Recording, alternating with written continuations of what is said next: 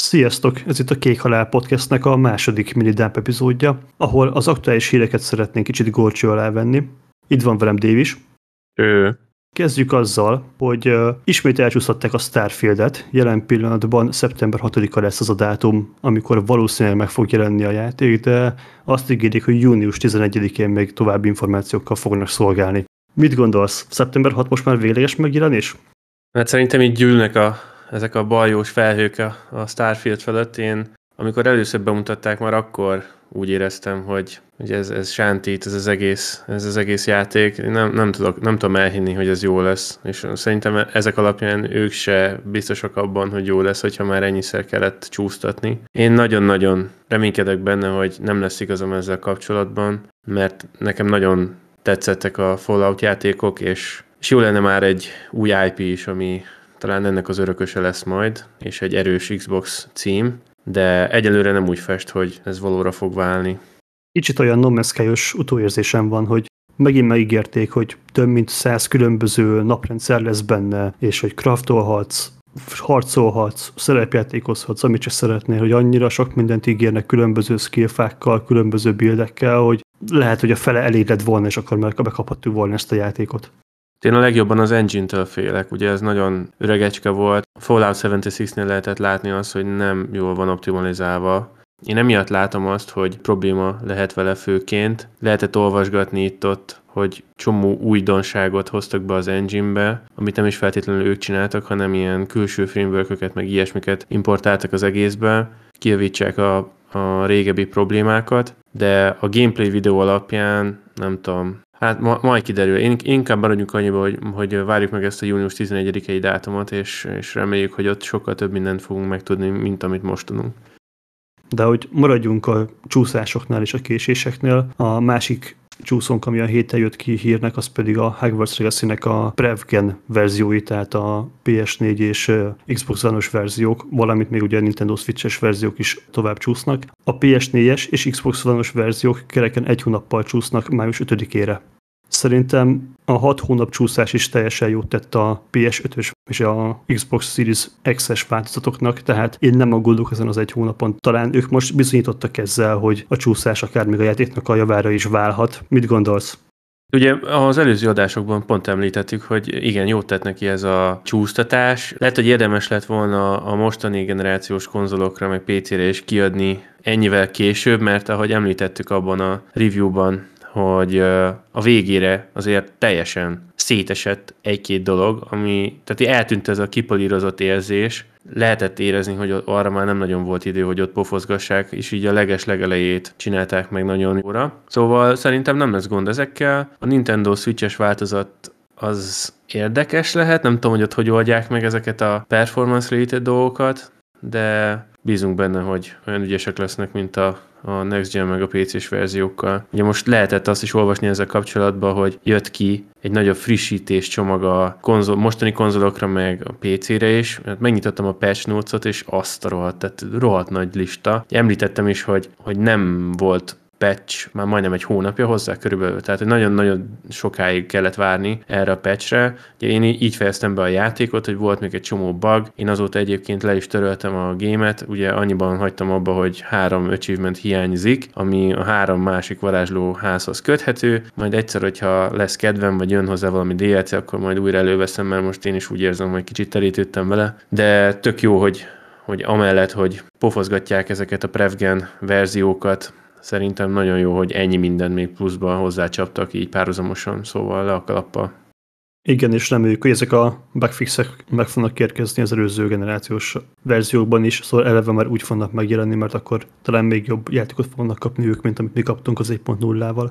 Viszont ha már pecsek és ha már frissítések, a PlayStation is kiadta a legújabb 7.0-es rendszer frissítését, ami elég sok érdekességet hozott, Végre most már PlayStation is tudsz a Discord szerverekre felcsatlakozni és a barátaiddal beszélgetni Discordon keresztül játék közben, ez egy tök jó hír, illetve a VRR supportot, valamint az 1440p supportot oldották meg rendszer szinten. Ezek voltak felkapva, de hogy kicsit így, ha mélyebbre ásunk a patch notes-ban, akkor számomra hogy van két érdekesség. Az egyik az, hogy végre most már lehet keresni a saját Game Library-ben is úgy, hogy be tudod szűkíteni a platformot, hogy PS4 vagy PS5-ös játékokra akarsz keresni.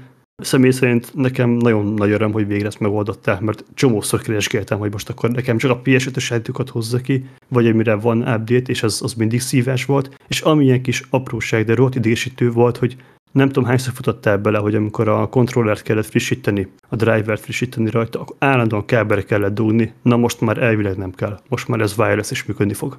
Na, az tök jó. Nekem egyébként az nem volt zavaró, mert mindig ott volt kézni, mert voltak, amikor, amikor megjelenik egy játék, akkor mindig így fejjel a falnak, akkor ott ülök egész nap kb, és akkor hát akkor nem, nem húzom ki a kábelt a konzolból, maradjunk annyiben szóval. Nekem nem volt ez annyira idegesítő. Meg hát a kontrollerhez tartozó firmware szerintem nem egy olyan sűrűn frissülő dolog, most így két és fél évvel lassan a megjelenés után meg már pláne. Azért olyan három-négy alkalommal volt. Nekem általában úgy van, hogy van egy ilyen, az a tipik gyári kontroller törtő, tudod, kettő kontrollerrel, hogyha az egyik lemerül menet közben, akkor benyomom a másodikat, azt felteszem rá, és ameddig a második le nem merül, addig az első feltöltődik. Szóval én így szoktam váltogatni, pont ezért a kábel nincs is soha elővéve, mindig kutatni kell. Na de egyébként, hogyha már most a sony szóba hoztad, én egy kicsit dühös vagyok rájuk, megmondom őszintén, mert az, amit most leművelnek ezzel a Microsoft Activision Blizzard felvásárlással kapcsolatban, szerintem már szánalmas. Vergődnek, mint egy öt éves hiszt is kölök, bazd meg. Hát ez nagyon gyász szerintem. Össze kéne szedni magukat, mert nem fogják tudni ezekkel a pitiáner megmozdulásokkal, nyilatkozatokkal akadályozni ezt az egészet, csak saját magukat égetik be.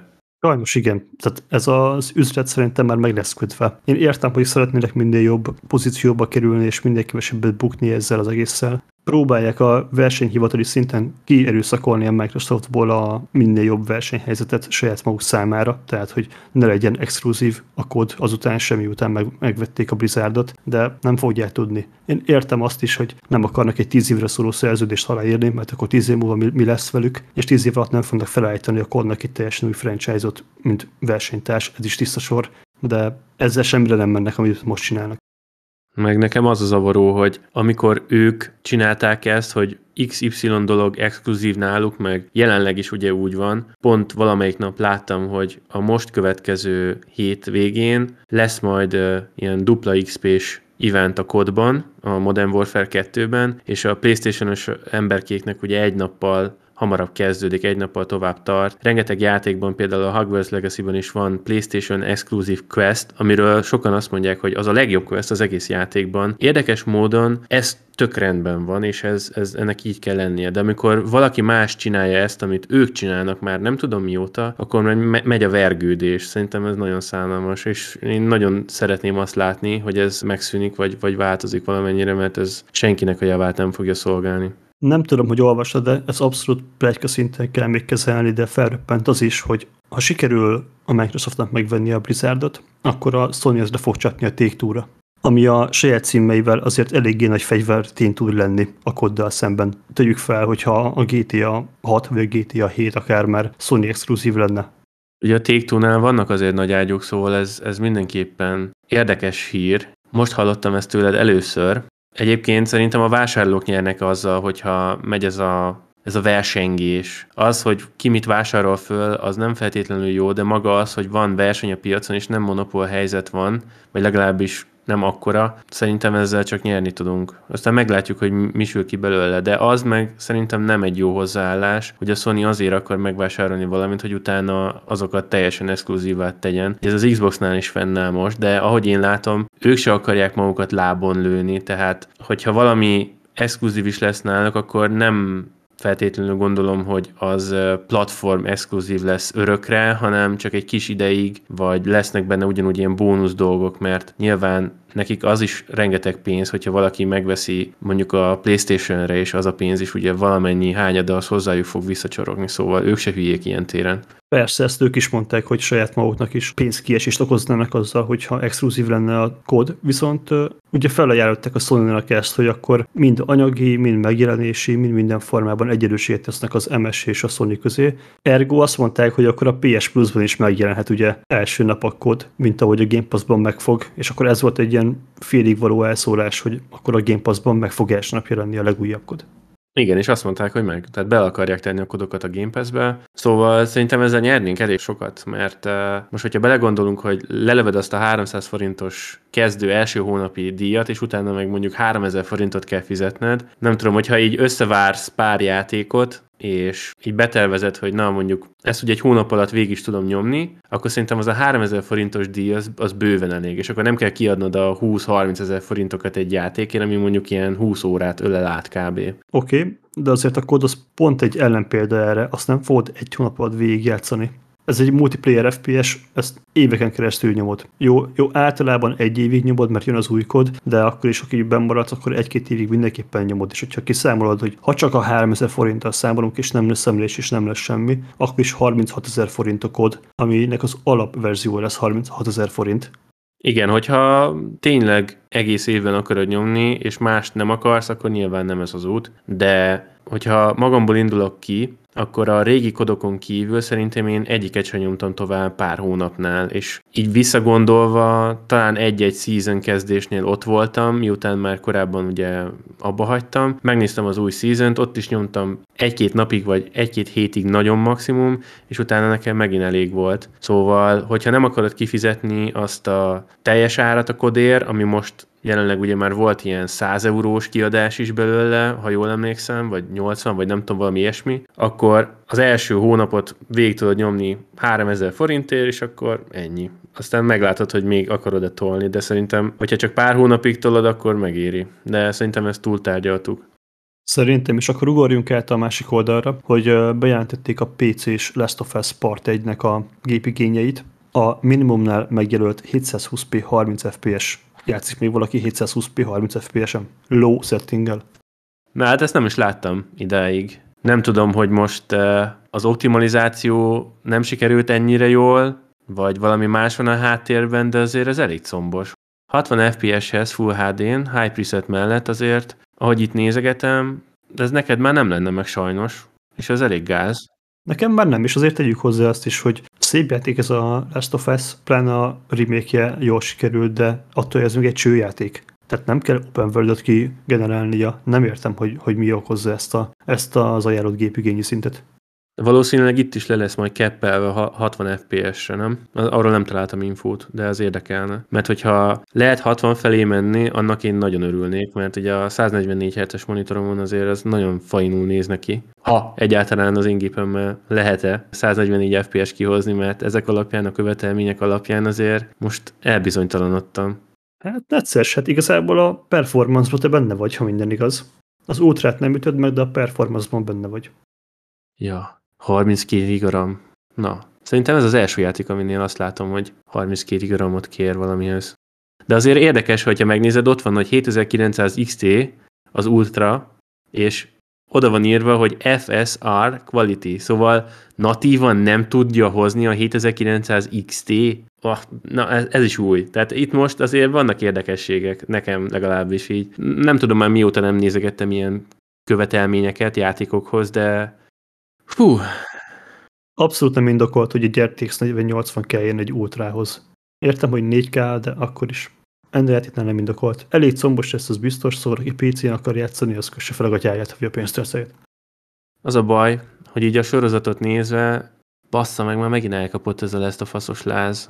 Amikor így nézem a sorozatot, és hallom a Gustavo Santaolalla-nak a zenéjét, akkor így annyira ilyen, nem tudom, Vietnám flashbackek vannak, amikor én játszottam vele, hogy mennyire kurva jó volt, és nem akarom megvenni ezt a játékot, de lehet véletlenül meg lesz véve. De akkor miért nem Playstation-on? Hát miért? Mert PC-n csak jobban fog kinézni szerintem, meg hogyha remélhetőleg, de ez nagyon-nagyon kicsi esély van erre szerintem, a 60 FPS-es cap nem lesz meg, akkor, és ez Unlimited FPS, annak tökre örülnék, és az nagyon dobna nekem a jelvezeti faktoron. Én érdekesség szinten így belenéznék ilyen egy-két órára azzal hogy hogyan csinálták meg, de hogy még egyszer végigmenjek rajta, ahhoz túl hosszú.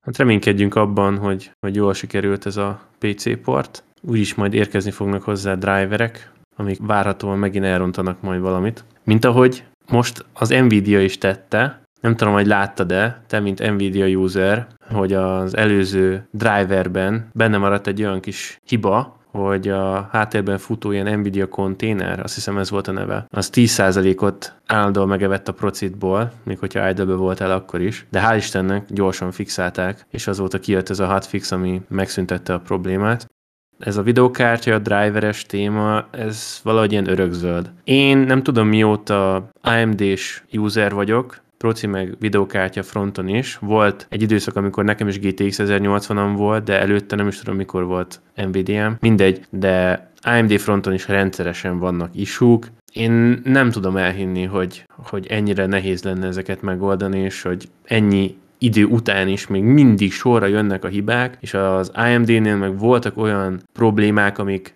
ilyen egy-két évig ott voltak az ismert hibák listáján. Tehát, hogy nem tudom, ez nagyon gáz. Valószínűleg nem jön elég pénz az új videókártyák eladásából, és ezért ezt a részleget nem tudják támogatni anyagilag, ezt tudom elképzelni.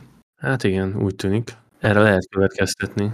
Nálam annyira nem tűnt fel, mert a 1080 az akkora betűlnek a gépemben, hogy a CPU-ból 10% mínusz sem, sem okozott semmilyen problémát.